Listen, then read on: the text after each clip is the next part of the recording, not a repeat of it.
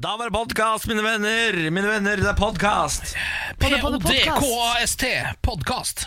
Velkommen skal du være, du som har lastet oss ned. Du har tatt et aktivt valg. Du vil høre Morgenpladet igjen, og det banker mitt hjerte for. I går eh, gjorde jeg en eh, hederlig innsats på min private Instagram-konto. Jeg så det. La- Altså, Så god på SoMe har jeg ikke vært på årevis. Jeg la ut opptil flere bilder på en gang. Og det var estetisk fint å se på. Takk for det, Jeg brukte sikkert fem minutter. Men folk liker jo ikke når man legger ut ting som tenderer mot reklame. Det, det trykker de ikke like på. Det syns jeg egentlig er frekt. Hvis du ja, men, ja, jeg kan bli, kan bli irritert av det. Å ja, så det likte dere ikke? Nei, jeg får legge ut eh, nok Ja, et se. bilde av uh, Ja, men jeg tror det er fordi det føles så uekte. På en måte Ja, men dette er jo ekte. liksom. Her, her er skriver jeg Sveip opp for dagens runde med Morgenbladet igjen. Så skriver jeg Du må gjerne følge oss på Insta. Det blir reklame til, skjønner jeg.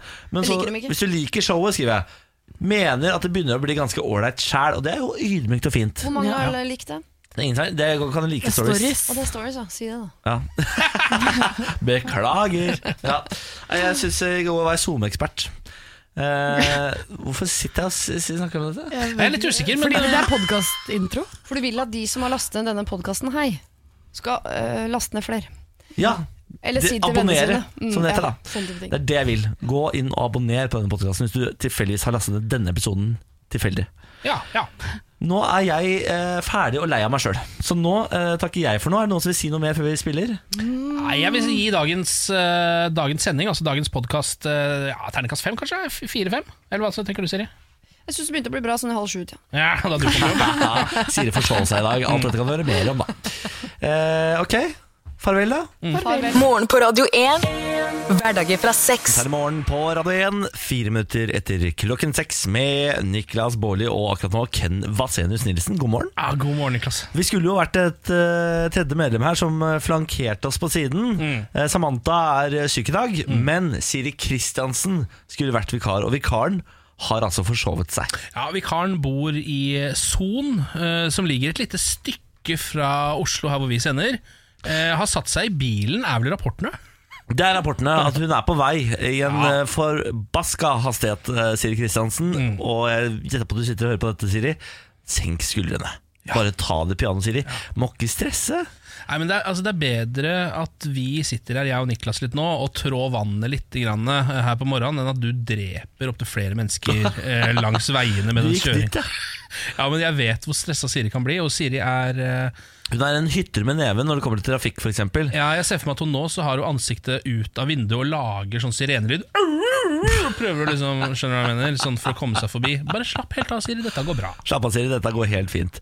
Eh, velkommen tilbake, Ken Vasenius Nilsen. I går var det du som var sjuk. Hva er det som skjer?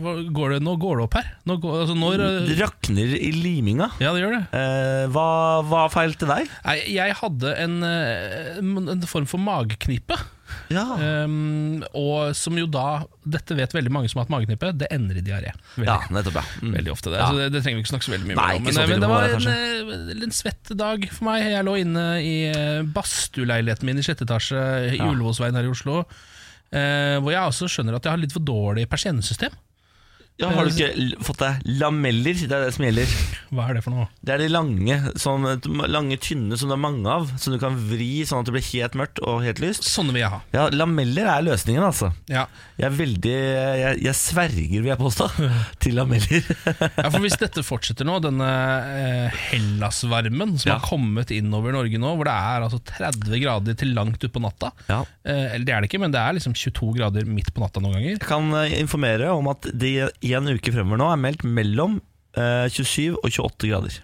I Oslo, i hvert fall. Så det er én grads slingringsmonn der som man kan, kan jobbe med. Men jeg, eh, altså, jeg sverger på at jeg, eh, før det er sommer en eller annen gang, hvis dette fortsetter, så kommer jeg til å få så panikk, fordi jeg er ikke vant til varmen på samme måte som Du må ikke få panikk. Dette, her, dette er vår jobb som nasjon, Ken. Vi er født her oppe i nord. ja. Vi er altså, velsignet med ræva vær. Jeg vil si 80 av året. ja, det vil jeg si. Så d- d- du kan ikke få panikk av dette været. Dette du skal legge deg på kne, ut med armene, se opp mot himmelen, og så skal du takke.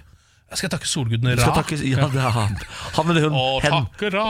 Og takke Ra, takke Ra, takke Ra.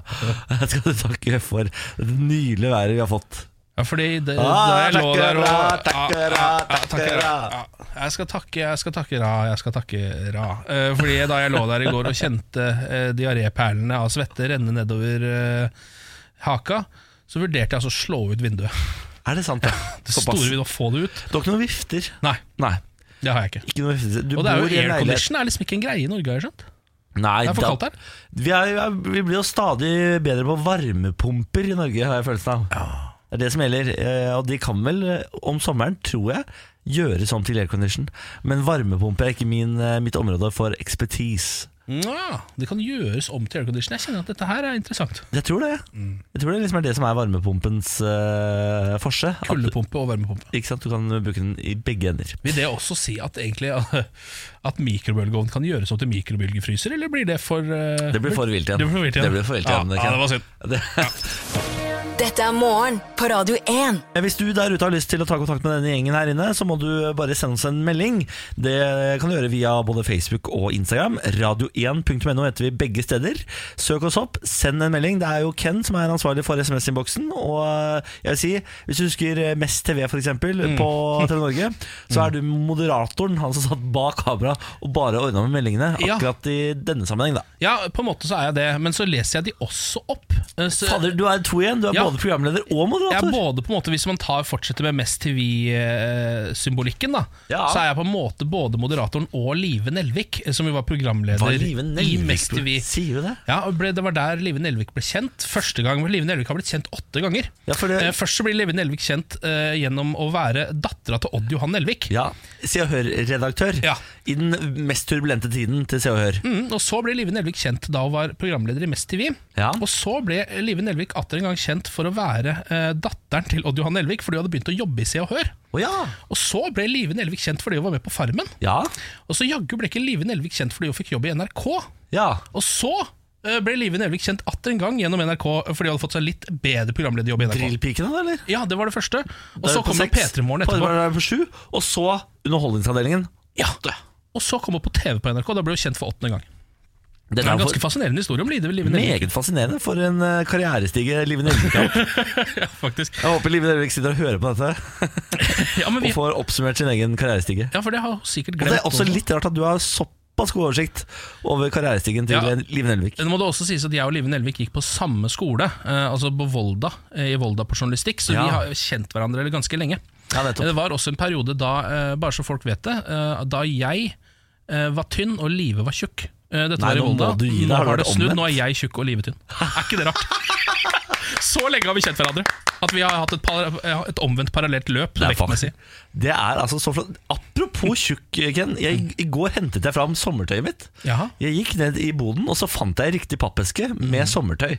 Og Det er ganske van Det er en prosess Ja. eh, å finne riktig pappeske, for jeg har selvfølgelig ikke pakket etter fornuft. Og ikke markert pappesken. Nei, nei, nei, er du gæren? Så jeg var sikkert innom en 14 pappesker før jeg fant eh, pappeskene med shortsene.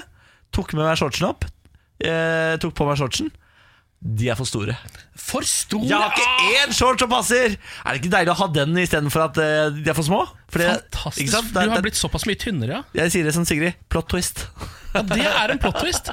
Men det er Så deilig, da. Men eh, hva slags For dette her jeg har blitt så deilig, Ken. Du skjønner ikke. Jeg hadde tenkt å Ja. snakke om noe andre Ah. greier, men la oss holde oss litt på denne, denne Jeg er i ferd med å bli altså, så rålekker i kroppen nå. Ja, Hvordan føler du deg veldig mye Føler du deg bedre enn andre av det? Jeg føler meg eh, Nei, ikke bedre enn andre, fordi jeg er fortsatt mye større enn veldig mange. For Jeg har faktisk eh, tenkt litt at du er sånn type som egentlig burde være en 20-30 kilo for tung. Ja, Eh, Fordi du har eh, en- Personligheten til det. personligheten til det, og en selvtillit som egentlig eh, Altså Selvtilliten din er overvektig. Så den har lagt på seg litt mye. Så jeg tenkte at du kunne kompensere ved å være såpass tjukk at folk eh, ser på deg så tenker du sånn Det der er en av samfunnets tapere, så kanskje selvtilliten går litt ned. Ja. Det hadde nok vært eh, det beste for meg som menneske og person. Jeg tror også det. Eh, Men nå er det, det går feil vei for Mm. Niklas Baarli nå. Nå går det jo i den retningen ekstremt usjarmerende. Ja. Eh, For nå er jeg altså i ferd med å bli tynnere, og selvtilliten er jo like stor som alltid. Ja. Eh, Kanskje en blir jo bare større og større vet du, når jeg går ned i vekt. Ja. Så jeg kommer nok til å være ganske uspiselig, usmakelig og uhåndterbar om eh, bare kort tid. Men det du skal vite er at eh, i løpet av sommeren så kommer jeg nok til å ha lagt meg alt jeg har gått av med. Ja, For det er jo, det er jo standarden, ikke ja, sant? og du har kjøpt deg grill. Jeg har kjøpt meg grill, og jeg har grilla hver dag siden grillen kom i hus. Og hele juli er jeg på reise. Ikke sant? Hele, hele juli er jeg på reise. Hva var det med saken å gjøre? Nei, du, legger, er, du legger jo aldri på deg mer enn på ferie. Ja, sånn sett, ja. Altså Jeg drikker jo øl til morgen, eh, lunsj, middag, kvelds. ja. Ja. Altså det her, eh, Du får bare nyte rasshølet mens det er her, Ken. For eh, når vi møtes igjen over sommeren, da er jeg blid og tjukk igjen. Det er litt ålreit å høre det. altså eh, Tatoveringer det er ikke så enkelt som man kanskje skulle tro. Nei? Nei, eh, For det er jo en forevigelse som, eh, som man printer inn i huden sin. Nå skal vi en tur til Sverige, eh, til Kyrk, Kyrkjult i Sverige. På en eller annen måte så føler jeg at Sverige er verdensmestere i, i tribal tattoos. Det tror jeg de er. Ja, jeg tror Det tror jeg de er. Så utrolig mange svensker med tribal tattoos. Ja, ja. De og deler av Storbritannia Ja. tror jeg jeg ligger på toppen innen tribals. Og sikkert landene hvor tribal på en måte kommer fra, uh, som jeg ikke er helt sikker på hva er, men kanskje New Zealand. Er det ikke en litt sint dame som sitter og hakker tribals inn med en sånn liten hammer eh, i Amazonas? Det, det er det sannsynligvis. Sikkert. Der er det også noen av de, men det er nok flere i Sverige. Eh, og Denne saken handler da om Johanna Gisselhall Sandstrøm Ja. eh, fra Kyrkjul- Kyrkjult, eh, som ville vise hvor mye hun elsket sine barn. ja. Og måten man viser det på, det er ved å tatovere navnene deres på kroppen sin. Ofte. Nesten alltid. Sjømenn i hvert fall bruker jo den metoden. Ja, eh, og de, de heter Nova og Kevin. Eh, så eh, det var det hun da eh, skulle skrive inn på Jeg tror det er leggen, jeg. Nova og Kevin. Du viser fra armen her i studio, men sier ikke leggen. Det er veldig forvirrende for meg. tenkte at det var litt rart å ta leggen min opp, legge den på bordet her i studio, bare for å illustrere at den skulle på leggen. Nettopp, Så jeg sa noe annet enn det jeg visste. Bra du tok meg i det, men la oss fortsette med leggen. Eh, eh, ja. Eh, så kommer da Johanna Gisselhall Sandstrøm fra Kyrkjult tilbake fra tatoveringssjappa og ser da at det står ikke Nova og Kevin på leggen, det står Nova og Kelvin. Nei, altså klassisk, altså, Kelvin. Målenheten Kelvin? Ja, Kelvin, Hva er det det måler, egentlig? Jeg husker ikke. Så da Hun elsker å måle ting i Kelvin.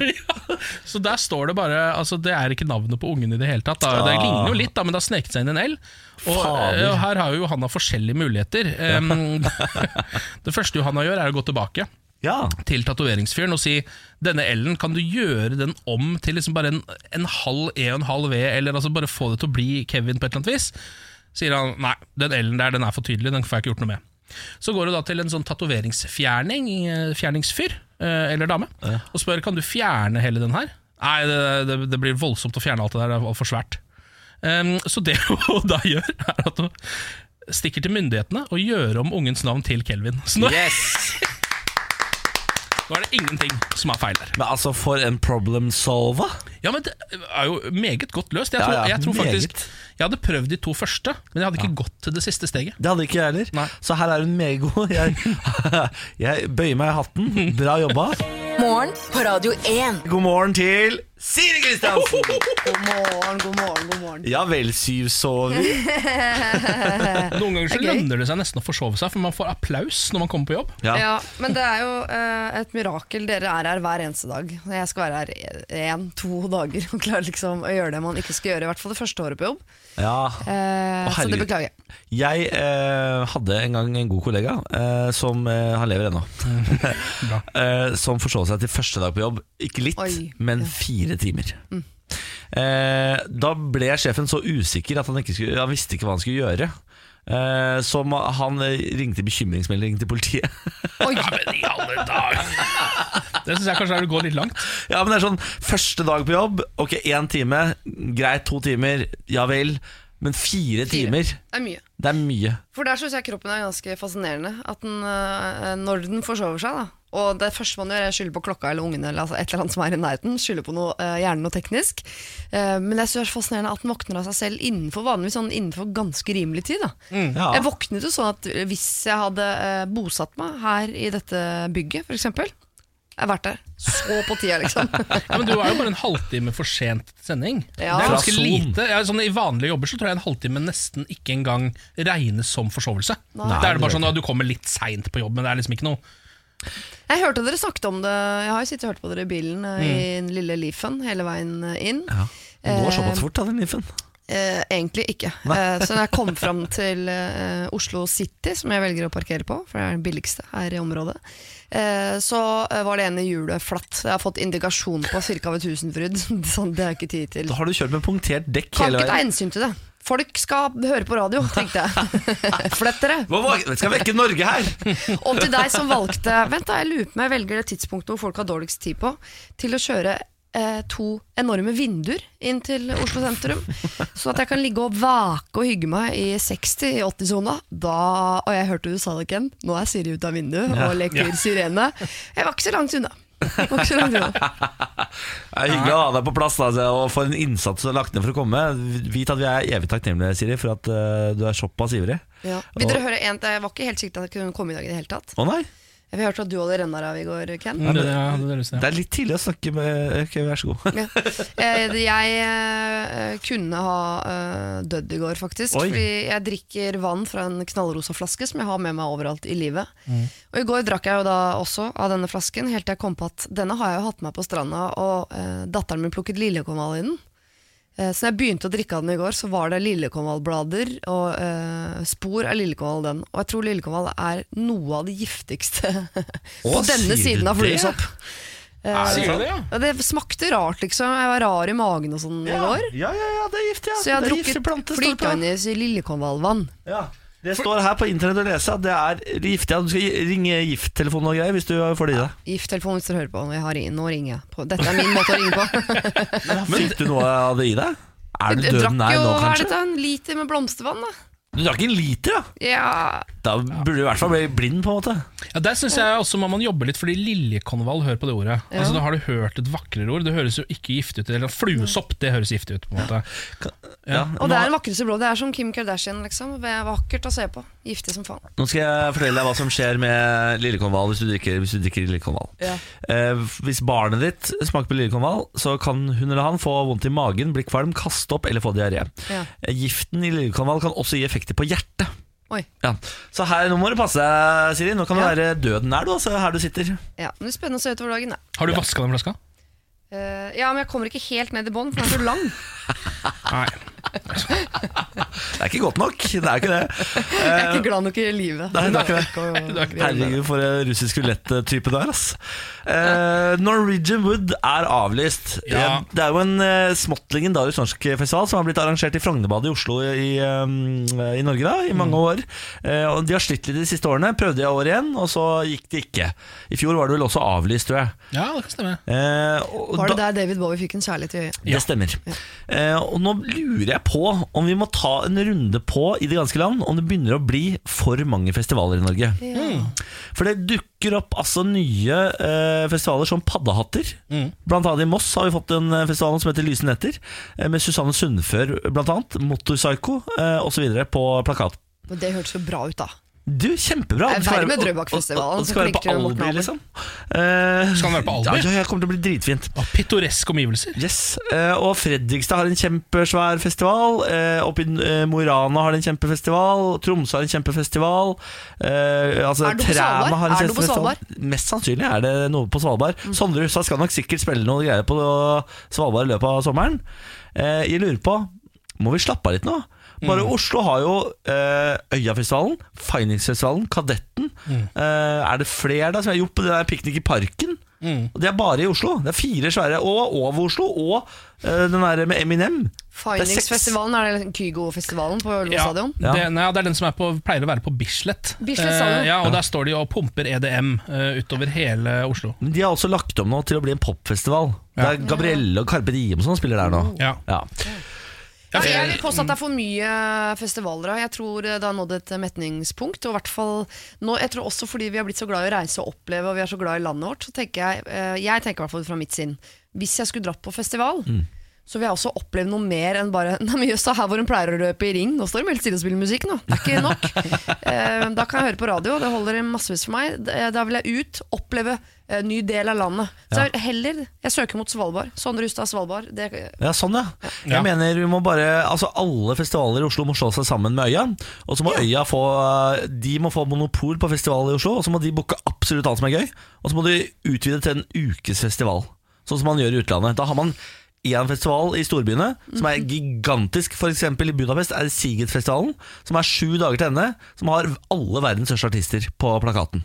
Men er det, foregår alt da i Budapest, eller er det noe som også foregår i småbyene? Nei, De tar over en hel øy, som er da festival, oh, ja, i, sånn, ja. i, i en uke. Det Ja. er så bra. Det er kjempegøy. Så Der har Norge noe å lære. Eh, legg ned alt. Flytt alt til eh, Øyafestivalen i Oslo. Eh, og sånn må de andre begynne også gjøre. Trondheim f.eks. Legg ned alle de småfestivalene. Bare Stereofestivalen. Alle pengene i Stereofestivalen. Ja. ja eventuelt så kan man gå Jeg synes jo det er litt for mye av det samme altså, Alle festivaler heter jo bare musikkfestival, og så er det sånn så kommer både Kendrick Lamar og Sondre Justad og Kygo, liksom. Skjønner du hva jeg mener? Ja. Så jeg er litt for den sjangeroppdelinga. jeg. Sånn du- Ja, for det er jeg nysgjerrig på også. Skal du dele opp da i dager hvor den ene dagen er litt sånn føling i fjæra, de og dagen etter er litt mer sånn uh, Det pleier de Ja. å gjøre i utlandet. Da Ja. har de en rockedag, og så har de en hiphopdag, og så har de en Og da har de de største i verden. Ja. Ikke sant? Da Ja. begynner de å snakke festival. så dette er mitt forslag til eh, alle festivalarrangører der ute, da, på en måte. ja, ja. Morgen på Radio 1. Hverdager fra 6. um, jeg vil ha tilbake min gamle Facebook-reklame. Fordi nå har jo eh, Facebook eh, Det var så mye mas rundt at Facebook har disse uh, algoritmene, eller heter det logaritmer? Ja, det er jeg litt usikker Algoritme på. heter det. Algoritme. Ja. Uh, som gjør at man tilpasser reklame etter person. Eh, ikke sant? Som gjør at du, de vet hva du vil ha, Siri, og vet hva jeg vil ha, og så reklamerer de for det på Facebook. Og så ble det så stor ståhei rundt dette, fordi folk tenkte at det var noe skummelt i det. Skjønner du? Ja. Eh, som gjorde at eh, det kom da opp sånn Sånn kan vi ikke ha det. Eh, Vi kan ikke ha det sånn at Facebook skal bestemme hva du får av reklame.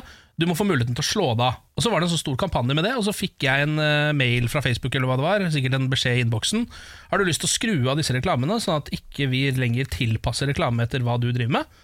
Og så tenkte jeg ja, det høres jo kjempesmart Det må jeg vel bare gjøre. Det er jo det rette å gjøre i samfunnet i 2018, tenkte jeg, så jeg slo av den. Så nå får du helt random reklame Nå helt... en ø, ø, salg på flybensin i Dubai, liksom? For helt vanlig reklame. Og det er jo helt totalt ubrukelig. Jeg skjønner ikke hvorfor jeg har vært så imot den reklamen som var der fra før. Den er jo helt konge. Det er Altså- som jeg skal gå inn på en pub eh, full av gutter. Alle vil ha meg. eh, så går jeg bort til de som eh, ikke vet det. eh, altså, de ser meg ikke. Så de gir meg komplimenter som ikke handler om meg. Sier sånn 'Så høy og blond og nydelig du er'. Å, dette liker jeg. Mye bedre å gå rett bort til han som har stått utenfor soveromsvinduet mitt i årevis, og som vet nettopp at uh, jeg liker kurvene dine. Ikke sant? Ja, Man vil jo ha det fra de som har gjort researchen sin. Ja. Altså De som vet hva de snakker om. Jeg får kun burger, mat og grill eh, om dagen eh, Ja. i min Facebook-feed, og det elsker jeg. Ja, for Nå vet ikke jeg hvordan man kan, hvordan jeg kan skru det tilbake igjen. uh, Men jeg vil jo for absolutt Eller for alt i verden gjøre det. For nå får jeg altså reklame for joggesko og krimbøker og forsikring. Ingenting med deg å gjøre. Alle vet jo at jeg leser jo ikke bøker Nei. og forsikrer jo ingenting. Joggesko! Joggesko, jeg jogger jo ikke jeg. Jeg vil ha tilbake de gode gamle uh, dataspill og eskortetilbud som jeg fikk tidligere. Dere, vi skal snakke litt om eh, muntlig eksamen, fordi nå vil de borgerlige partiene på Stortinget muligens gjøre det sånn at man skal filme det når man har muntlig eksamen. Fordi eh, Man føler det enda verre. Å ja, jeg tenkte, det er en kjempeny gladnyhet for min del. Okay. Fordi eh, Se for deg, du skal ha muntlig eksamen, du føler du gjør det kjempebra. Eh, sensor er ikke enig, og du krangler mot sensor. Sensor vinner. Du får dårlig karakter. Ja, sånn, det er videodømming, Det er liksom. videodømming, ja. Det er akkurat Ja. det det er. Eh, Så da får man liksom eh, filma eh, din muntlige eksamen din, og så kan du klage da med videobevis på at Se, da, jeg gjorde fader meg bedre enn han sier at jeg gjorde. Han likte bare ikke trynet mitt. Ja, Ikke sant? ja, ja, ja, ja. Og, Så det er ikke dumt, og man må på ingen måte eh, innbille seg at det ikke er trynefaktor i muntlig eksamen. Det er det absolutt. Eh, og skriftlig eksamen. Ja. Men blir man ikke ekstra nervøs? Altså jeg tenker Hvis man først gruer seg til muntlig eksamen, og så står det en fyr med kamera der inne Ja, Nå vet Jeg altså jeg har sett nok Paradise Hotel til at jeg vet at det, de fleste sier at du glemmer det til fem minutter. Ja. Eh, at det er et kamera til stede, så jeg vet ikke. Jeg tror det er de i Paradise Hotel som glemmer det til fem minutter. Nei, Eh, skjønner du hva jeg mener? Akkurat de de filmer der, de glemmer det med en gang. Jeg tror, de, men altså det jeg tror vanlige folk bruker litt lengre tid. Ja, men altså hvis du, du, du, du har ikke et Som står der, liksom. Det er ikke, det er ikke flerkameraproduksjon av muntlig Det er jo et lite sånn hjemmevideokamera som kommer til å stå der og, Ja, og én drone. Det holder, det. Ja, ja. Mm. Drone. Bare for Man må få close-upsa. De må jo være perfekte. hvis man skal Masse filter! Masse filter! Jeg tror, det er, jeg tror det her er en kjempeidé personlig. Eh, Studentene vil jo selvfølgelig ha det. Norsk studentorganisasjon er kjempefornøyd med utspillet og sier ja, dette burde man gjort før. Eh, Dette burde man gjort før. Så. Men det må være valgfritt. Altså, jeg må kunne gå Oh, ja. altså, jeg, Mener du det? Ja, jeg som eh, altså, offer for eksamen, som jeg liker å kalle det, må trykke på play. Ja, For Det må være fordi jeg ønsker det, ikke fordi at nå skal det filmes. Det må være jeg ønsker at dette filmes, fordi jeg har et tryne folk ikke liker, men jeg er smart som faen. ja. Ja. Da må jeg få lov til å trykke på play. Jeg vil også tro at dette her kommer til å være sånn for alle som, skal, alle som blir kjendiser og skal være med på talkshows. Ja. Så kommer folk til å ringe og få de gamle videoene fra alle eksamene dine. Velkommen hit eh, til Senkveld Ja. med Stian Blipp og Helene Olafsen. Eh, Siri Kristiansen, se her! Vi har fått tak i eh, Er du Helene eller Stian Nå Nå er jeg Stian, ja. Det er kanskje ikke alltid så lett å høre det. Siri Kristiansen Sørensen! Rett fra Kristiansand. da. Stian, rett ut av Kristiansand. Morgen på Radio 1. Eh, Vi må snakke litt grann om eh, noe jeg ikke har fått snakke om her på radioen, nemlig bryllup. Eh, Da tenker jeg ikke på Stian Blipp og eh, Jamila Jamina. Ivers, Jamina Iversen sitt bryllup, som også eh, gikk av stabelen i helga. Men jeg tenker på altså det britiske kongelige bryllupet. The Royal Wedding. The Royal Wedding! um, som jo jeg satt og fulgte uh, på, per stream på TV2. Koste meg. Profesjonelt, eller fordi du er interessert rent personlig? Fordi det gikk, og så var det ikke så mye annet, egentlig. Uh, og så syns jeg det var litt gøy å følge noe Det blir jo litt sånn slow TV. Det er noe som varer lenge og går og går og kan bare være i bakgrunnen. Det er rart det, at det der slow TV-greiene er så ekstremt fengende. Ja, jeg vet det. Jeg syns jeg elsker det, jeg også. Ja. Uansett hva faen det er. Strikkekveld så jeg på.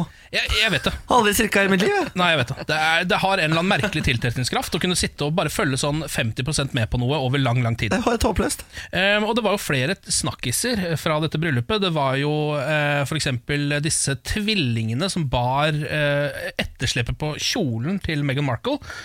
Som eh, hadde mista veldig mange tenner og sto og gliste noe jærskelig eh, gjennom hele seremonien. Dette Det er- barn, eller det er ikke Dette er ja. alkoholikere? Liksom. Dette barn. På dagen, eller- Nei, dette var, dette var barn, ja. Hadde to voksne alkoholikere som bar slepet. Nei, det var, det var barn. Eh, og så var det jo det at uh, Harry, uh, prinsen som gifta seg her, Deilig, sa til Meghan Markle at hun så fantastisk ut ja. i, henne, i, i bryllupet hennes. Det syns folk var helt sinnssykt. Han, han Syns det. bra eller frekt, eller hva? Nei, de syns det var helt konget for en fyr han må jeg gifte meg med, litt sånn som deg. Og det synes jeg var litt fascinerende, for de sier liksom på en måte hvor mye man krever av oss menn. At det er, sånn der, det er et bryllup, og du sier bare sånn 'du ser bra ut', og så er det sånn 'yes, veldig bra, du er en kongemann, alle må gifte seg med deg'. Jeg vil heller si til dere som ikke sier det til konene deres i løpet av bryllupsdagen, at de ser eh, fantastiske ut. Det må å skjerpe dere. Ja, jeg vil heller si det. Men eh, det som jeg eh, bet meg mest merke i, var da en afroamerikansk biskop. Som dukka opp underveis inne i dette Windsor Castle, hvor de holdt denne seremonien. Et veldig eh, konservativt sted. Så kom han og skulle holde noen ord. Vi kan høre litt på det. We know that God is the source of us all. And we are brothers and sisters, children of God.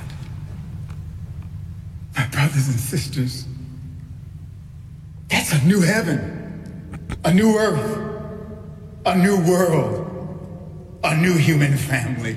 Det høres ut som Disney. Ja, ja så var. Løvenes konge med en gang. Er det. Morgan Freeman? Som, Ja, og det er veldig svulstig. Solomon was er right in the Old Testament. sånn-. Mufasa. That's fire. Ja, uh, They are Deshaun, and with this, I will sit down. We got to get you all married. Ah, ja, altså En liten vits på slutten, så folk lov å ja. koste seg. Jeg håper ikke det Eh, er rasistisk å, gå rett til Morgan Freeman på greiene der. Det var noe Morgan over det. Ja, men Han har jo en eh, grov og fin stemme. Eh, Men det jeg synes var litt fascinerende, var at, eh, at dette her var jo eh, altså, blant en hel haug med britiske eh, monarker. på en måte Han satt og holdt denne og liksom overklassen. Og du så at de skjønte ikke helt hvordan de skulle takle det. Om, de skulle, om dette var liksom noe de skulle le av, eller om de skulle ha ettertenksomme blikk, eller hva de skulle vise til kameraet. Så det ble veldig mye sånn eh, rare blikk underveis her. Ja. Noen som lo, noen som ikke skjønte noen ting, og noen som satt bare med kjevene i gulvet. Eh, og så var det jo da etterpå at alle disse eh, kommentatorene som følger dette fra alle mulige britiske aviser og sånn, de var veldig sånn derre Oh, it's so eccentric. Look at how eccentric that is. This, this priest is extremely eccentric. Uh, og da tenkte jeg sånn Han er ikke eksentrisk, han er bare en afroamerikansk prest. Det er sånn, det er sånn afroamerikanske Ja, ja. prester snakker sånn. Det der er ikke eksentrisk i det hele tatt. Det er liksom som om de aldri hadde sett en afroamerikansk prest snakke noen gang.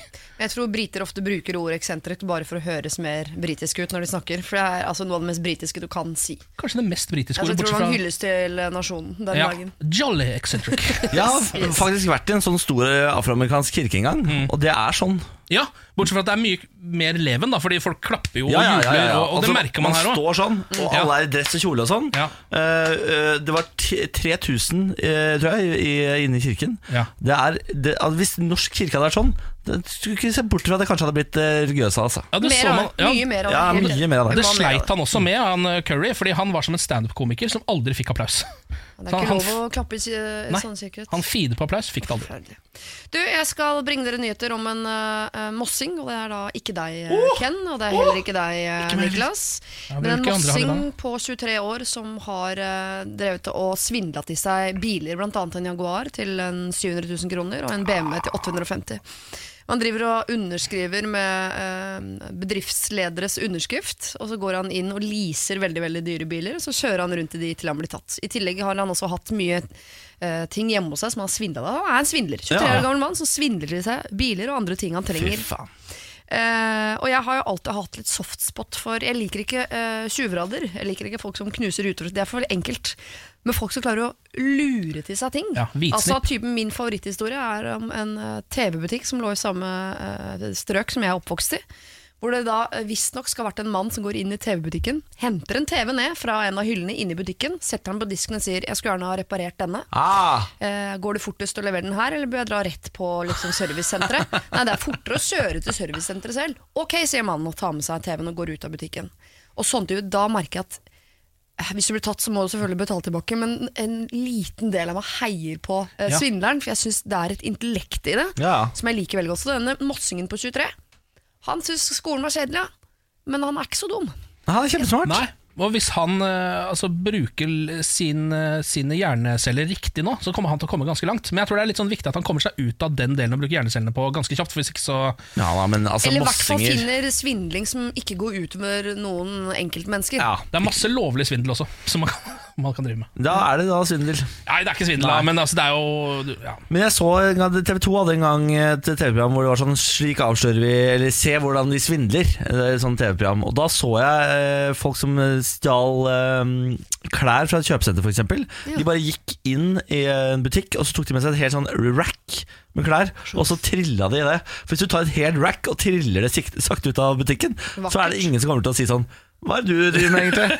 Da, ja, for det er for frekt. ja, alle tror at da må du jobbe der Hvis Ja. du eh, triller et helt rack med skjorte for eksempel Så det her er gode tips eh, til deg som har lyst til å stjele litt der ute Ta en TV fra veggen, spør hvor du skal reparere den Trill et helt rack, eller gjør som eh, Mossingen Og da må jeg bare si Mass, mass, mass, mass, mass Morgen på Radio 1. God morgen til vår første morgengjest Nemlig Tor Steinhaven God morgen, god morgen. God morgen, Tor Minator Kalte jeg deg før i tiden Ja. Skal jeg fortsette med, det, føler jeg Bare presisere at jeg har ikke funnet på det kallenavnet. Det er greit å liksom si det.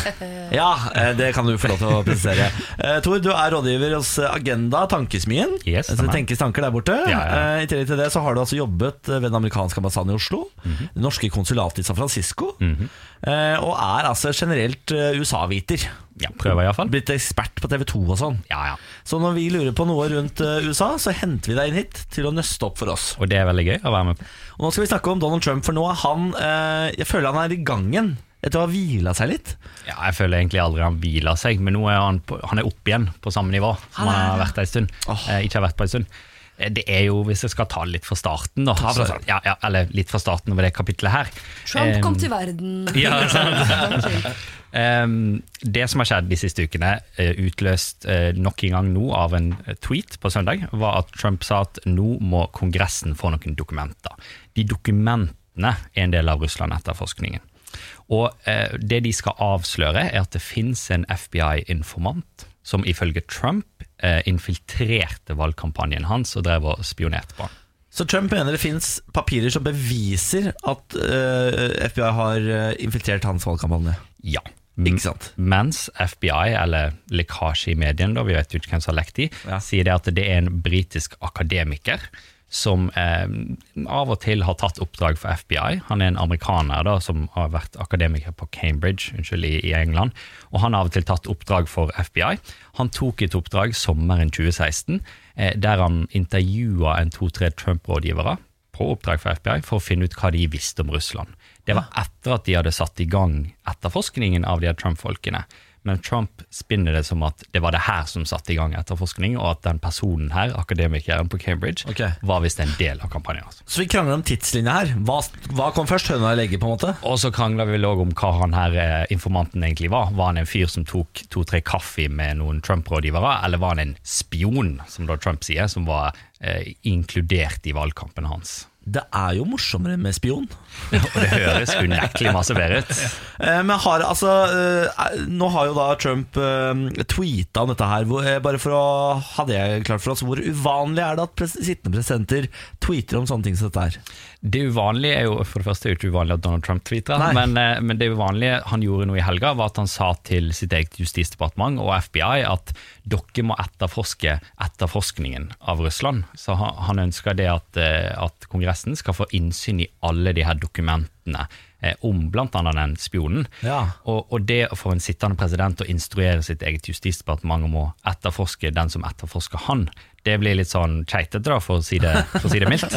Eh, For Justisdepartementet skal jo være uavhengig av presidenten, Ja. iallfall i spørsmål der du etterforsker presidenten.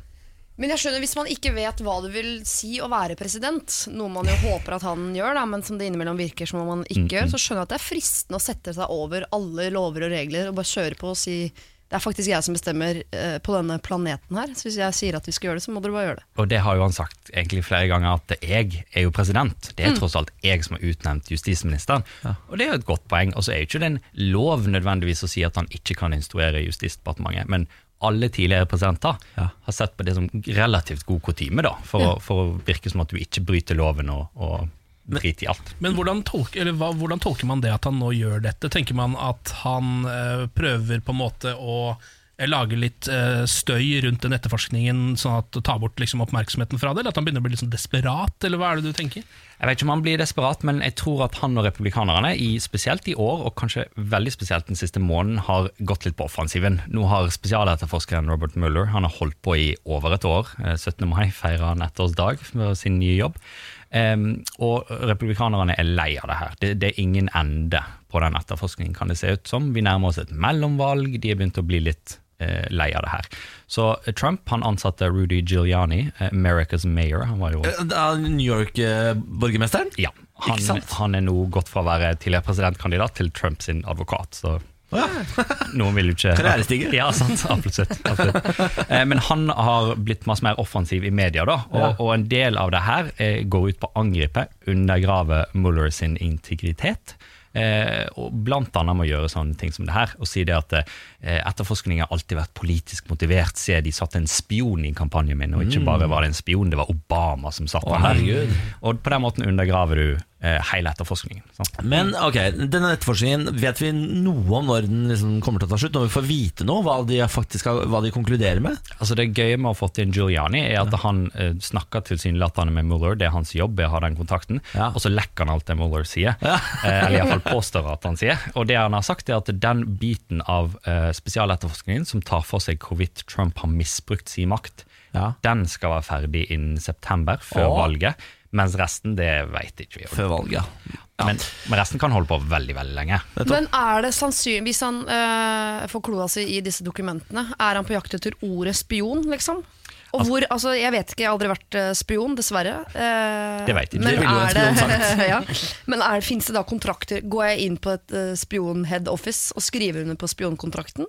Det tviler jeg på. Eh, Men det Poenget med å få tak i de dokumentene er jo for at eh, republikanerne, hans allierte, og nå snakker vi om visse republikanere, ikke alle, men noen litt ytterliggående i Kongressen, hvis de får tak i nye detaljer, så kan de spinne det. Sant? Så det behøver ikke å stå spion der. Nei. Det behøver bare stå å ja, her gjorde dere et eller annet som var litt kritikkverdig, og så kan man spinne videre på det. Vi må få tak i Frode Berg og høre hvordan de jobber i spionene. Han vet jo alt om dette. Eh, Tor Meriti, Tor Steinodden fra Tankesmien Agenda, tusen takk for at du stakk innom og nøsta litt opp for oss. Takk for invitasjonen. Morgen på Radio 1. Vi har en i dette radiostudioet som er altså Norges beste til å frastøte seg eh, kvinner. Ja, Det er meg. Eh, Ken Vasenius Nilsen, Ja, er det eh, som er den personen. Um, Jeg har holdt på med dette nå i 37 år, dvs. Si de første årene var jeg ikke så aktiv, for da var jeg barn. Eh, men etter, etter hvert som jeg begynte å kjenne behovet for dette, så har jeg vært aktiv på dette området. Og akkurat nå tenker jeg det kan passe med en liten oppsummering av de frastøtningsleksjonene jeg har hatt, for det begynner å nærme seg fotball-VM. Og det er nok mange der ute uh, som frykter at de skal få seg en kvinne nå som gjør at ikke de kan se absolutt alt av fotball-VM uh, for seg selv. Skal vi hente inn frastøtningsartisten? Ja. Hele veien fra Moss i Østfold. Ta han vel imot. Frastøtningsartist Ken Vasenius Nilsen! Ja, takk for det, takk for det, takk for det. Det er god stemning i salen i dag. Eh, nå kommer altså en oppsummering av de fire kursene jeg har hatt til nå. Bare å finne fram penn og papir. Vi har vært innom frastøtningsindikatorer. Dette er da små tegn på at eh, objektet, som er det vi da kaller kvinnen, eh, frastøtes av deg som person. Det kan være at hun sjekker eh, mobiltelefonen hele tiden underveis i daten, går konstant på do, sier nesten ingenting eller spyr. Og når du har truffet på tre av disse, noen prøver seg også med å bare treffe på to, så betyr det at det er på tide å evakuere lokalet. Du har frastøtt kvinnen, det er ikke noe vits å være der lenger. Takk. Ja, det var det første. Det er det første. Den er god, den må, føler jeg man må skrive ned. for å ha, alltid ha i bakhånd. Ja, for dette er liksom grunnlaget. Ja. Dette må man ha uansett om man kan alle de andre metodene og triksene. Så må man vite om disse indikatorene. Men du må jo ofte ha gjort noe for å få kvinnen til å spy eller sjekke mobilen. Ja, eh, her er det masse forskjellige ting man kan gjøre. Eh, For eksempel så viste jeg en gang fram et eh, bilde av um, skeptisk. Hva si mine mens vi Ikke sant. spiste en litt trå filet mignon. Sånne ting kan det passe å gjøre i dette her. Eh, Og så kan vi gå innom, eh, gå innom pussing, som er en avart av negging, som er det pickup-artistene bruker. Har du hørt om det, Siri? Jeg har hørt om negging. ja. Ja, Det vil si at man skal snakke kvinnen litt ned for å gi kvinnen litt dårligere selvtillit, så man selv har kjangs til å imponere henne. På et Ja. vis Um, Det kan være å si for eksempel sånn eh, Oi, du har fryktelig Du har veldig fine øyne, men har du ikke pussa tenna i dag? Eller de er litt gule, de tenna dine? Så du skjønner at man sier noe fint, men så kommer det noe stygt etterpå. liksom Ja, sånn, jeg er veldig sjarmerende, syns jeg, når man, man har fine øyne som sitter så tett sammen. Ja, Mm, det For det gir litt karakter. Ja, det er også veldig fint å si. Eh, Men dette her gjør jo at, eh, man, altså at kvinnen klamrer seg fast til deg hvis du er negativ på den måten. Så i frastøtningsbransjen så bruker vi pussing, som er det omvendte. Det er egentlig bare et ærlig eh, kompliment. Et kompliment av ærligste sort. Så for eksempel idet man setter seg ned, så er det bare Faen, så jævlig deilig. Jeg har lyst til å ligge med deg. Og jævlig morsom, morsom også, smart. Så kjører man på med det, da. Ja. Eh, og så kan man krydre det med maskuline, litt sånn gutturale lyder. For eksempel. Åh, så deilig. Fy faen, så fin. Åh. Og det, Ja, jeg Så bortkasta at du bare sitter på den ræva der. Så oi, rundt meg. Altså sånn du, type. er du også frastøtningsartist? lure. Nei, men jeg være kunne vært en helt ok mann. Ja, En helt ok mann kunne vært. Og så har vi selvfølgelig også vært innom 30-minuttersregelen. Denne her er essensiell. Eh, Den er også en avart av noe pickup-artistene driver med, som er tresekundersregelen. Og det de da sier, er at innen tre sekunder fra du har sett en kvinne, skal du gå og ta kontakt med henne. Eh, Men eh, i mitt tilfelle så er det da innen at du aldri skal ta kontakt med en kvinne før det har gått minst 30 minutter fra du har sett henne. Eh, hvis du f.eks. sitter på en bar, så burde du legge inn stirring, eh, ilagt flakking i blikket, eh, i 30 minutter. Og så kan du eventuelt gå bort etter det. det er, ofte så trenger man ikke engang gå bort. Har du prøvd luftjokking? Luftjokking kan man bruke her. Det er veldig lurt. Du er meget god på dette, Siri. Du kan faktisk dette her. du. Alle disse triksene som jeg har lært nå. Du legger på nye ting. Ja, ja. ja, men dette er veldig, altså 30-minuttersregelen er helt essensiell. Fordi Hvis man holder på med dette, sitter og stirrer på kvinnen i 30 minutter, så vil du enten tro at du er en seriemorder eller en veldig desperat gutt i 30-årene. Og begge deler er like frastøtende for enhver kvinne. Uh, og Så uh, kan vi gå til fotometoden, som er det siste kurset vi hadde. Uh, her er det også bilder involvert. Dette kommer også av noe som sjekkeartistene pleier å drive med, hvor de da har med seg en folder med det som liksom er nettopp nyframkalte bilder. Men det er selvfølgelig veldig planlagt. Det er ett bilde med en kjendis, ett med et barn, ett med en hund, en hvor du driver med skydiving. Eh, Som jeg da viser til deg, så tenker du herregud, for en mann, han lever livet sitt. Og dette var bare helt tilfeldige bilder. Fantastisk. Eh, Jeg bruker andre typer bilder. Eh, Når jeg er frastøtningsartist, så for eksempel så kan du ha et bilde av at du selv bare chiller'n i din egen stue. Men så hvis man ser litt nærmere etter, så ser man at det ikke er bøker i, i bokhyllene, men en hel haug av flashlights, eksempel. Ja. Sånne ting som det. Man kan også, jeg har også hatt veldig suksess med et nakenbilde av meg og fattern, som man kan bruke og vise fram. Eh, Eller et sånt eh, Kjostolf-bilde. Hvor man eh, står og skraper blod med det mest psykotiske trynet man klarer, klarer å legge opp. Ja, Det er fotometoden. D- Og det er vel så langt vi har kommet, er det ikke det? Ja, Det er akkurat så langt vi har kommet mm. Hvor mange leksjoner er vi oppe i da? Det er vel fire, vel? Det er fire leksjoner, ja. Alle disse får du altså gratis her på Radio 1. Eh, dette kurset koster jo flerfoldige rundt 1000 kroner hvis du skulle møtt eh, Ken når han har foredrag i Spektrum, f.eks. Ja, jeg har, skal jo ha et foredrag som jeg har vært inne på tidligere for eh, Værmeldernes Landsforbund. eh, nå om ganske kort tid. Og det, tar jeg, altså, det har folk betalt uh, ut av sitt gode skinn for å kunne komme til. Kan det hende du kan varme opp for John Cleese også, hvis han kommer tilbake til Oslo med det kreativitetsseminaret sitt? som John han kan Cleese er faktisk frastøtningsartist selv. Eh, så han, uh, ja, vi pleier ikke å krysse veiene våre, da blir det mindre penger på vei. Ja, det er sant. Ja, er, Rupert Grint er forresten også frastøtningsartist. Han rødhårede fra Harry Potter. Det visste du kanskje ikke. Men han er også det. Trond Giske var det inntil nylig. Han har gitt seg. Han er ikke Ja, han begynner å komme seg igjen, han, Ja, han begynner å- akkurat det der, faktisk. Kanskje han er i gang igjen. Nei, dette er uh, intet annet enn vakkert, Ken. Eh, for en kunst du bedriver. Ja, jeg er jo, altså Når man først er blant Norges beste i noe, så burde man gi av seg selv. Morgen på Radio 1. Hverdager fra seks. Eh, For en eh, halvannen måned siden så dukket det opp et dristig kunstverk av Sylvi Listhaug i Bergens gater, skapt av AFK. Ja.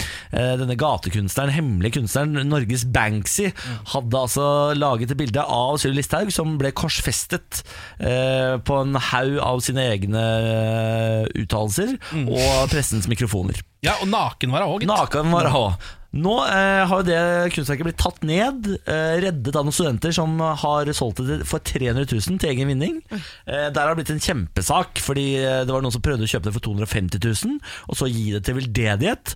Eh, det ville ikke de studentene ha noe av, de ville ha mest mulig penger og få de sjøl. Eh, så hele Norge tenker vel at de studentene de er noen luringer som har eh, snodd seg mens muligheten var der. Nå håper jeg de studentene er ute i gatene igjen, for nå har det kommet et nytt kunstverk på samme sted. Åh, Nå er det nytt kunstverk, og denne gangen av Trine Skei Grande, som står sånn og lager eh, fingerhjerte foran seg, mens hun har trusa på knærne. Oi, oi, oi. Satire Ja. av ypperste sort, ja. Yes, yes, yes, yes, yes, yes, yes. Jeg så ikke den trusa, jeg, før du sier det nå. Å ja, du så ikke den trusa, nei? Nei, jeg så bare hjertefingrene. Å ja. Nei, da Trine Skei Grande har eh, trusa på knærne, og så heter eh, verket Trøbbel. ja. Eh, Jeg vet Er det om- AFK som har laget dette også? Det vet vi ikke nå. Han har eh, foreløpig ikke uttalt seg. Det er tv2.no som har saken rundt eh, dette nye kunstverket. Ja, Da må jo Dette er i Bergen, var det det? Ikke Det er i Bergen, ja. ja. Da må jo alle eh, Nå må jo folk bare hente det bildet. Bare stikk noe og ta det. For Det er vel sånn man gjør det med disse bildene, for det er jo ingen som har rettighetene på sånn gatekunst.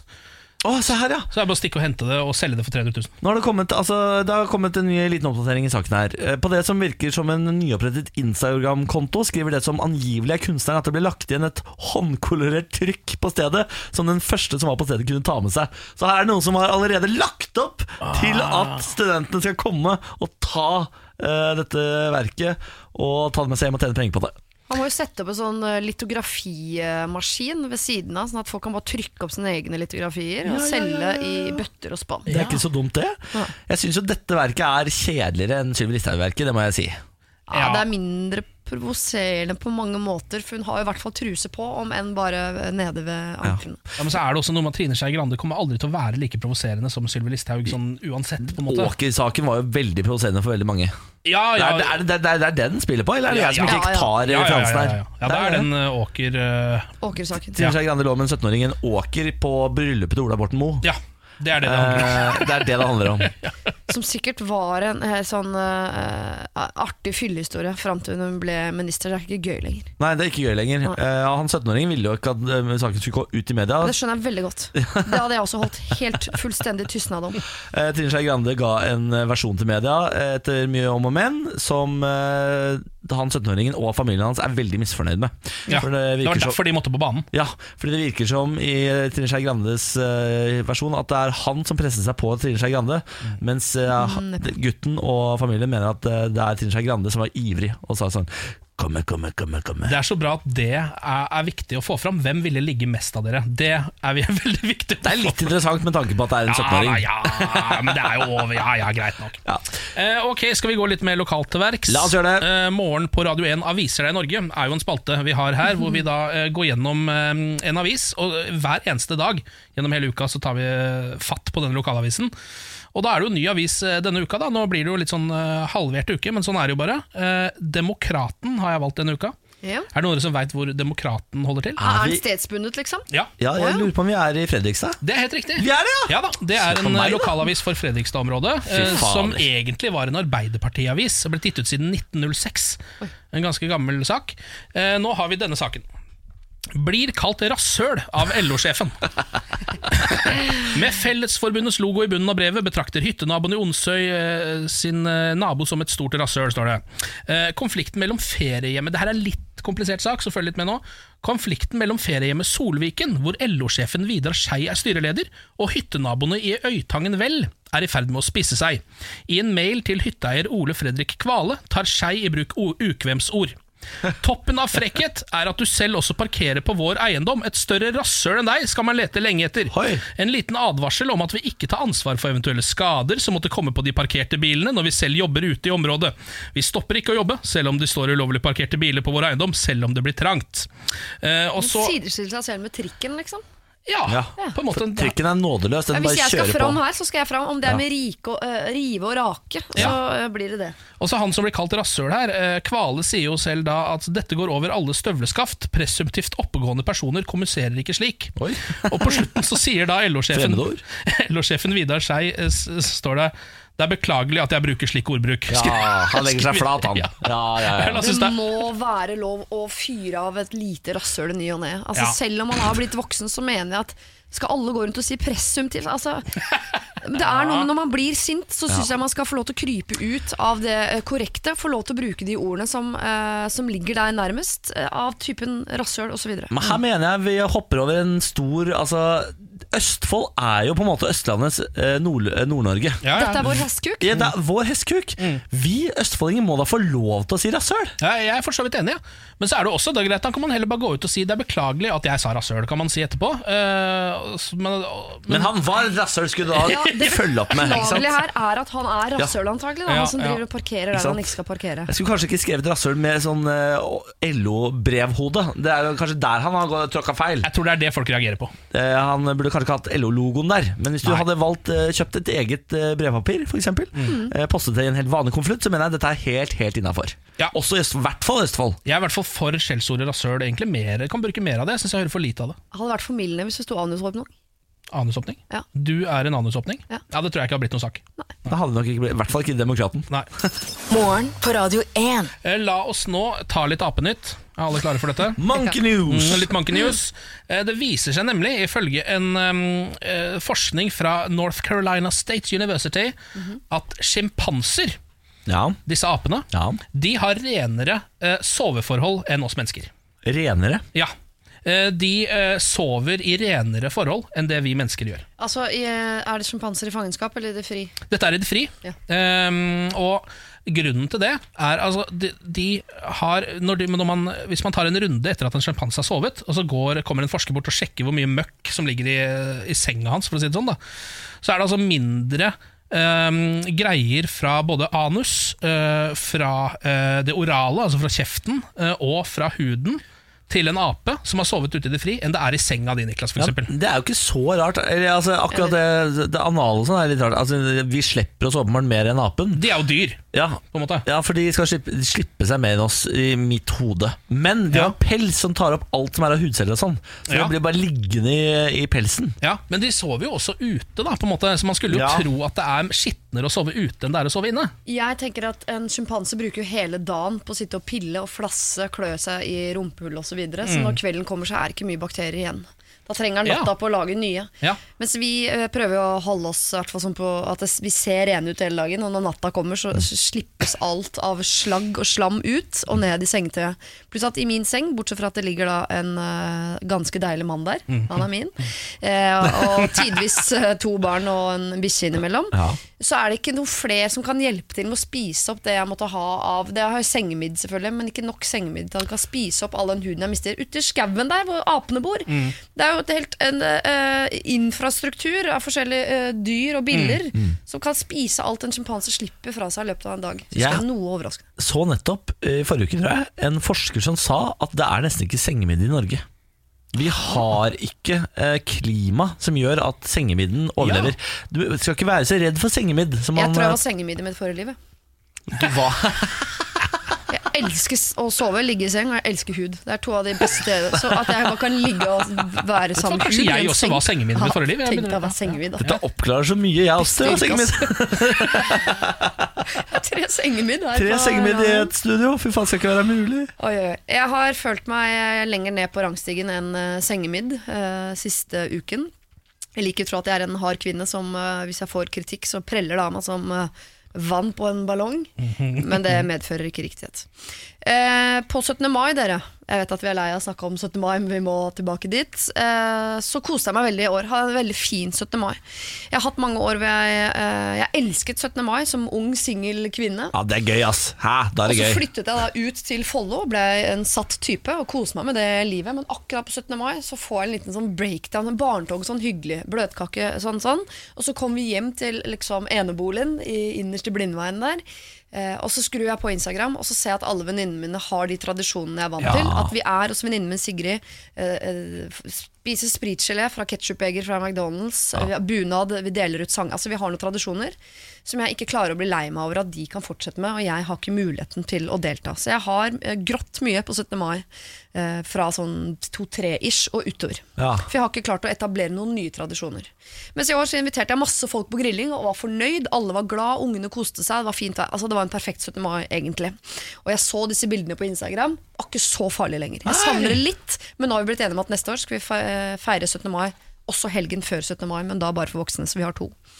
Men da går jeg altså inn eh, og sjekker mail. Det gjør jeg eh, mange ganger hver eneste dag, også på helligdager. Og jeg får altså mail fra en eh, forlagssjef her i vårt lille land. Ja. La det forbli usagt hvem det er. Han skriver For dette har stått nemlig på Tyrk i Dagbladet, så står det Siri Kristiansen angrer på at hun fikk barn en gang i året. 17. mai. Altså, det var jo ja, ja. eh, ikke sant, satt på spissen. ja, ja, overskrift. Ja. For en sinnssykt sløv melding du gir til Dagbladet i dag. Bli voksen, la barna få ha sin dag. Du gir et eksempel på først meg sjæl, og så meg sjæl. Har du ikke 364 andre dager å møte venner og feste på? Gråte fra klokka to. My ass! Dette er en mann i 60-åra som skriver.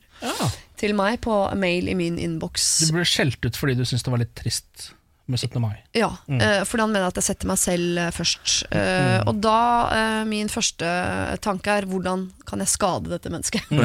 Selvfølgelig. Knuse Ja, ja, ja.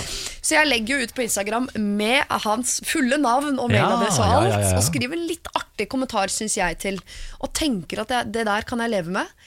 Men den natta så, så klokka fire om natta så våkner jeg og merker på hele kroppen at jeg må slette det. Å ja. Så jeg, jeg, jeg krøp tilbake inn i hulen min og slettet innlegget. For jeg vil ikke være et sånt menneske som outer folk med navn. Det syns jeg man skal gjøre når man får sånne mails. Da mener jeg, da er Ja, det, er det jeg er usikker på. da Skulle jeg latt den ligge, eller skulle jeg ikke latt den ligge? Jeg vet hva? Jeg mener eh, Når han er såpass liksom, breikjefta som han er i en mail, og han har, han har ingen grunn til å sende deg en mail på det der, Nei. eh, så får han tåle at det kommer med fullt navn. Han ødela jo den første 17. mai, Ja, ja. men jeg har hatt det bra på mange år. Jeg, tenker, jeg er så lei av I samfunnet syns jeg vi kan bare bli enige om kollektivt at slutt å rekke hånda i været for å si kjipe ting. Ja, Hvis du blir spurt, så må du gjerne være ærlig. Men å rekke hånda i været Det er som å gå bort til folk på gata som ikke du veit hvem er. Si sånn Unnskyld, den frakken der sør, den er stygg. Ja, Ja, vel, det er ingen som har spurt. Og da mener jeg da er det lov å ta denne fyren i gapestokken på torget og kaste råtten tomat. Eller Instagram, som jeg kaller Eventuelt, da. Så det, vet du hva, jeg syns du kan legge det ut igjen. Jeg. det. Ja, kanskje jeg skal gjøre det. Gjør det. Ta og vi- ta, Vinn den seieren her. Morgen på Radio 1. Hverdager fra seks. Eh, Jeg har i går tatt et valg, eh, stått for det og gått i dag med hodet høyt hevet. Valget er å ikke være med på eh, dugnad i borettslaget. Det er voksent. Applauderer det. Det var eh, dugnad i går. Jeg leier jo og har tre måneder igjen av leiekontrakten. Jeg tenkte, vet du hva? Det gidder jeg ikke. Nei. Eh, var egentlig veldig fornøyd med det valget. Eh, tok ned persiennene og sånn, sånn at jeg kunne sitte og se på film og sånn uforstyrret. Mens jeg hørte at de drev og jobba nede. Eh, drev og raka og styra og ordna, grilla litt etter hvert og sånn. Eh, og så kom jeg jo på Niklas Baarli, du har jo hund. Den hunden må jo til å lufte seg. Nå er det dugnad. Eh, Så jeg prøvde å liksom dra det så lenge som mulig. Eh, Si sånn, Bjarne, legg deg. Eh, Selv om han gikk rundt der sånn Måtte åpenbart tisse. Var urolig. Tisse, tisse. Legg deg ned litt. Igjen. Gå i buret. Legg deg ned. Så stakk jeg den sikkert så langt det gikk. Og så når jeg skjønner sånn, nå må han ut og tisse, og det er fortsatt dugnad ute, de holder på, så mista jeg all selvtillit. Og det er sånn, dette får jeg ikke til. Jeg klarer Ja, ikke å gå tur med bikkja i bakgården hvor de har Hvor de har dugnad akkurat nå. Så da går jeg og vekker Benjamin, som har lagt seg. Så jeg Benjamin, du må gå tur med Bjarne. Jeg kan ikke, jeg får det ikke til. Benjamin klikker jo selvfølgelig, fordi jeg er gæren i huet. Det innser jeg selv. Men han var også med på boikotten av dugnaden i utgangspunktet. Absolutt. Absolutt. Eh, men jeg får vekket han, få på han en pysj, og så sier jeg sånn Du får bare si at du er syk. Du må gjøre dette. Og så sier han 'Jeg gidder faen ikke gjøre dette! Du, du er jo våken! Du sitter der! Du har klærne på deg!' Så jeg sier, men jeg, du skjønner ikke, jeg er et dårlig menneske. Jeg får det ikke til. Jeg har ikke selvtillit til å gjøre dette. Og bikkja piper, og han må ut av kortet og tisse inne. Tenk på hunden vår. Så spilte jeg eh, dårlig samvittighetskortet så hardt at Benjamin står opp, tar på seg klær og går tur med bikkja. Og møter selvfølgelig hele dugnaden sin side. Hei, hei, ja vel, er dere ikke på dugnad? Dette er grunnen til at man skal ha hjelm liggende hjemme. For Hadde Benjamin gått ut på tur med bikkja da med hjelm, så hadde ingen reagert. Sånn åpenbart sykdom i familien. Da måtte kanskje Niklas også vært med, eh, som en tredjepart i dette. Ja, Krykke eller hjelm må man ha liggende i gangen. Til enhver tid. Altså, Jeg vil bare rette en stor takk til Benjamin for at han overlever dette ja. forholdet. Fordi det er ikke alltid like lett. Jeg ville tatt en runde på toalettrening på den bikkja, bare i tilfelle sånne ting skulle oppstå. Ja, Hundetoalett. Ja. Innendørs Mm. ja, eller bare sjølve toalettet. Altså, det må være mulig å sette den bikkja oppå der og Du- få den til å pisse ned der. Jeg har sett en eh, hund som er opptrent til å pisse i pissoar. Der ser du. Eh, ja, ståpissoar. Eh, på bar i Budapest. Jeg kan få deg til å føle deg litt bedre, Ja, takk, så for det er åpenbart eh, mennesker der ute som er uh, like ille som deg, og som har like uh, få problemer med å si det høyt. Anthony Hopkins, dere. En uh, god skuespiller. Meget god skuespiller, vært det i mange mange år. Og han har spilt mange roller hvor han er kjølig, avmålt, gæren, massemorder osv. Ja. Nå skal det vise seg at det er ikke nødvendigvis det er så langt unna sannheten. Han har en eh, Han har ikke drept folk. Slapp av. Han har kanskje drept sjela til sin egen datter. Han har nemlig en datter som han fikk med sin eh, kone Petronella Barker for veldig mange år siden. Abigail Hopkins heter hun. Hun er nå 48 år gammel. Eh, når hun var tre år gammel, så flyttet Anthony Hopkins fra sin kone og også sin datter. Unnskyld meg, men er ikke Petronella Barker norsk?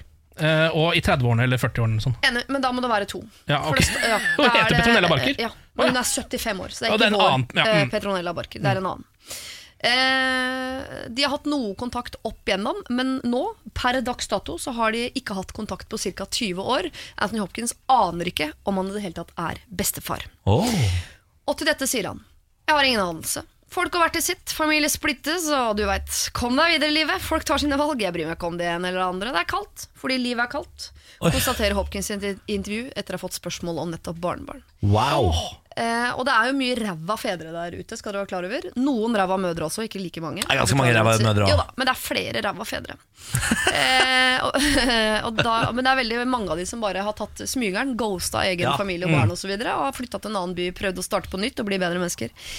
Anthony Hopkins er veldig Og jeg liker at folk er ærlige om sine egne ubrukeligheter, men når du er såpass klar over egen ubrukelighet, Ja. så syns jeg at du skal bruke mer energi på å gjøre noe med ubrukeligheten din, enn å være så opptatt av å flashe den. Ja. Sånn ja, Du mener at han er, litt, er han nesten litt stolt av sin egen udugelighet? Ja, Selv om dette er en overlevelsesmekanisme. Han må, er nødt til å si dette høyt for å høre det selv, hvis ikke så hadde han gått under også selv. Mm. bare å Nå er det si det på andre siden av bordet her. Jeg bryr meg ikke om det ene eller andre. Det er kaldt, for livet er kaldt. Ja. Ja, Men så skru på varmen, da. Åh, det var flott, da. Ja.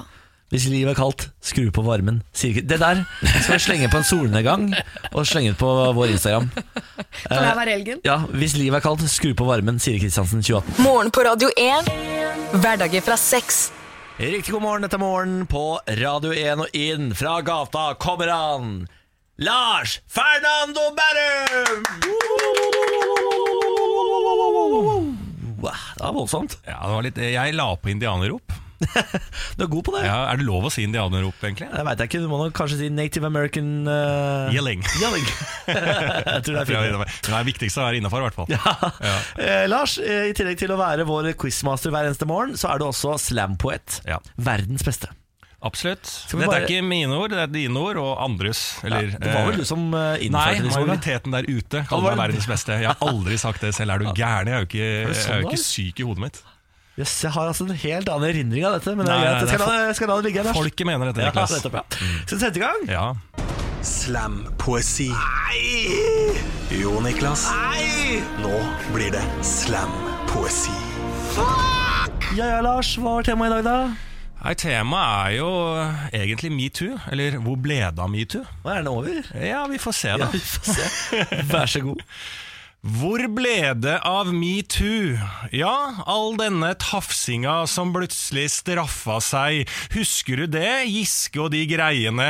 Både menn og kvinner reiste seg, tok avstand og ba de slemme forklare seg. Akkurat nå har det blitt stakkar deg. Giske, kom til Trøndelag, her skal vi beskytte deg. Du skal få reise deg, Oslo har vært dumme, de sa ting vi aldri ville sagt til deg. I Trøndelag er vi grasrota, her anerkjenner vi ikke tafsinga, det er ikke ordentlig fest, før det er på kanten til voldtekt. Men tiden leger jo alle sår, og da snakker vi om overgriperens lille skrubbsår. Det er de som får tilgivelse, og ofrene blir i historiebøkene gjort om til klagete, overdrevne, PR-kåte varslere. Ja, hva skjedde med dette metoo-greiene? Jeg tipper at mange punga ut fallskjermene, står dansende lykkelige og prøver seg ufint på en dame som vil opp og frem, en som er mye kulere enn de idiotiske varslerne. Dassene er jo fortsatt store nok til å true og holde damene. Årene vil få de fleste til å glemme, og mange slapp unna offentligheten med det. Jeg ser det! Alle må få en ny sjanse, men burde jo ført litt på konsekvensene. Men hvis jeg nå får lyst til å tafse, er det jo litt too late å klage over det. Ja, nå er vi vel ferdige med det metoo-greiene. Orker ikke mer mas om kvinnfolk som mener karrieren har stoppa opp grunnet tafsing fra en politisk topp. Flopp er ordet for de metoo-greiene. Det er deilig at vi menn kom seirende ut av det. Mennenes fall Ja, vi får se på det. Hvis jeg har lyst til å tafse, så gjør jeg det. Trekker meg stille tilbake, kommer sterkere tilbake og fortsetter å tjene alle pengene. Ikke i forhold til, men på bekostning av alle kvinnene. Men det er vi som er det vinnende vesenet. Metoo, du liksom. Jeg husker ikke helt hva som var greiene. Ah, Lars Møller! Ja da, ja da, ja da. Faen ganske spot on, de greiene der, da. Ja, det er som alle kronikker. Altså, her slår jeg inn åpne dører. Deilig. Morgen på Radio 1. Hverdager fra sex. God morgen og velkommen på arbeid, Pernille! Takk. Det er hyggelig å være her. Ser rimelig sommerfresh ut i dag, du da? Ja, må jo prøve å steppe opp gamet nå som eh, man kan bruke andre farger enn svart. Sommerkjolen er på, den er grønn med litt blommer blomster på. Det stemmer. Ja, det syns jeg er litt synd at ikke det fins mer blomsterklær til oss menn. Jeg har et slips. Du kan gå med kaftan. Nå må du gi deg. Det, altså, årets store mote er jo skjorter med blomster på. Ja, det ser du. Ja, ja, ja, så du, du går i hvilken som helst butikk, og du ser eh, skjorter med masse blomster på. Jeg kan være med deg ut og handle, Ken. Ja, kan du ikke gjøre det? Jeg ser du også har blomster på buksene dine. Ja, jeg har så- allerede spurt om jeg kan få kjolen til Pernille, men hun skulle ha den sjøl. Jeg syns du skal kjøpe lameller med blomster. um, Ehm, på 17. mai så møtte jeg deg, Pernille. Husker du det? Det gjorde du. Det gjorde du. Fordi jeg traska nedover eh, i Oslo, ned mot Mathallen, eh, som ligger her i hovedstaden, sammen med min kompis Thomas og hans franske bulldog Turnup, eh, som jeg har passa uh, i det siste. For en gjeng. Ja, det er en fin gjeng som går nedover der, i dresser og hva det måtte være. Turnup hadde ikke pynta seg, det var litt dumt. Hadde ikke pynta bikkja? Nei, uh, jeg tror ikke Thomas er, min kompis er så 17. mai-mann at han pynter bikkja. Det er noe av det koseligste man kan gjøre. Ja. pynte bikkja på 17. mai. Det Ta en da- liten sånn sløyfe rundt Ja, halsen. de Ja, er jeg, jeg er litt enig. Han kunne hatt litt norske, norske farger. Ja. Um, Hater Turnup Norge. han, er jo, han er jo fransk, så det kan godt hende han, kan godt hende han gjør det. Eh, men da tok jeg Pernille i et ganske privat øyeblikk. eh, når jeg gikk nedover der Det, det gjorde du. Fordi du, du så eh, ikke meg, Nei eller Thomas, Nei. at vi kom nedover der. Du så bare den franske bulldoggen. Det stemmer. Eh, og da ser jeg at jeg ser deg liksom sånn Du er sånn 15-20 meter unna, så er ikke det der Pernille? Det ser veldig ut som Pernille. Eh, og så er det liksom sånn hei, hei, Uh, men hun enser ikke at det er mennesker der. Fordi hun står oss allerede der, så har hun begynt å dra på sånn hundefjes. Så du står og snakker med hunden. Sånt fjes uh, ja. har du når du kommer bort der. Stemmer det. stemmer det Og det er, eh, det er jo ikke så Det er jo skamfullt, for Fordi jeg ser jo ikke opp på mennesker i det hele tatt når jeg møter hunder. Da blir jeg jo bare en, eh, en veldig mye bedre versjon av meg selv. Da vil jeg se, som eh, bare ser ned på hunden og sier Hei, venninne! min! Du-du-du-du-du. Og så, ja, det er flaut. Mennesker som interagerer med hunder, blir jo helt idioter. Ja. Ja. Det fins jo, ingen- altså det jo ikke noe lavere nivå av menneskehet enn når vi prøver å snakke med hund. Men jeg mener at hvis du ikke har en egen hundestemme altså sånn, Nå er det hundekjente folk eh, rundt her. eh, Altså Du har hund, Niklas. Snakk, du snakker, når du kommer hjem, så sier du ikke 'halla, Bjørne'. Ja, jeg, eh, pleier å, jeg pleier å snakke for Bjarne. Alt han gjør, jeg gir han en stemme. Og hans stemme er sånn her. Jeg bare gjør sånn her. Er det som Bjarne i altså, Sesam Stasjon? Ja, han snakker sånn her. Bjarne Betjent, ja.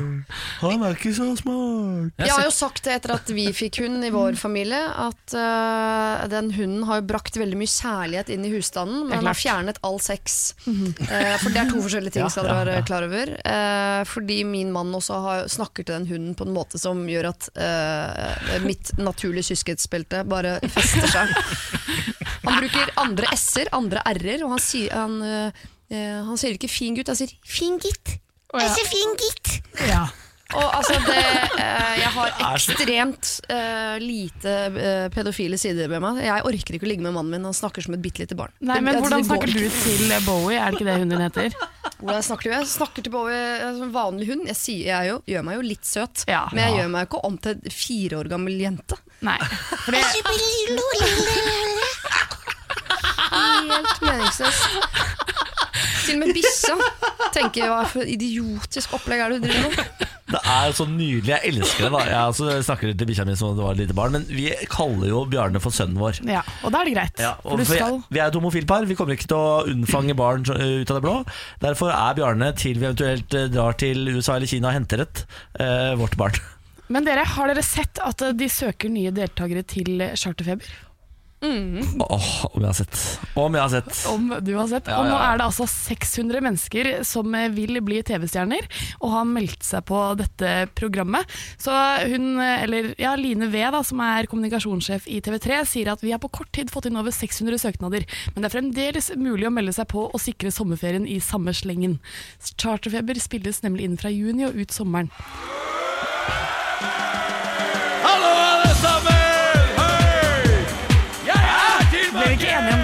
Det? var Tenk deg du kan bli den nye, nye kongen av Mallorca. kan du? Ja, det, det er nydelig. Det er en nydelig, nydelig og låt, men altfor lang eh, intro, må jeg er sant, bare si. det er sant det.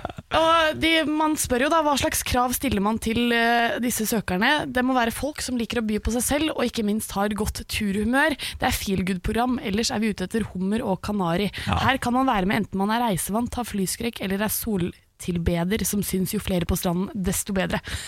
Og jeg tenker at dette er en gyllen eh, mulighet for deg, Niklas. Til å bli Til å bli kongen av Mallorca. Fa, Nå må intro være slutt! Hvor lang? Der, ja. Jeg er kongen av Mallorca. Ole, ole, ole. Jeg er prins av Hurum her. Det fins ingenting jeg har mer lyst til enn å være med i Charterfeber. Ja, vi, vi kan lage film etterpå. Ja, de får ringe meg, ass. Jeg gidder ikke, jeg gidder ikke melde meg på. De får ringe meg. Det er nemlig det du må gjøre. Du må filme deg selv og bjuda på, Ja. og så kan du bli en av de Du kan bli en nye chartersvein, og det er ikke så aller verst. Nå skal jeg være så ekkel som jeg aldri har vært før, men da får de google me bitches. Morgen på Radio 1. Hverdager fra sex. Så kommer vi inn her nå på tampen av podkasten for å fortelle at podkasten er over. Fordi det er folk som eh, i starten, når vi ikke hadde en sånn hale, sendte meldinger og sa podkasten slutter for brått. De har vi tatt eh, Å, ja. konsekvensen av. Derfor går vi inn på slutten av podkasten for å si nå er det over. Vi tar det inn i armkroken. Det er akkurat det. Ja. Ligg i skje med oss til i morgen. Eh, da kommer det en ny podkast. ja, det gjør det jo absolutt. Mm. Eh, er det noe mer du vil si, Siri? Nei. Si noe klokt da, Siri. Et eller annet som man kan ta med seg ut i dagen? Ja, Jeg vil bare gjenta meg selv. Hvis eh, verden er kald, skru på varmen, da. det er så vakkert. det. er så smart, vet du. Det er så smart. Ja, men da høres vi i morgen. Til da, farvel. Farvel. Bon voyage. Morgen på Radio 1.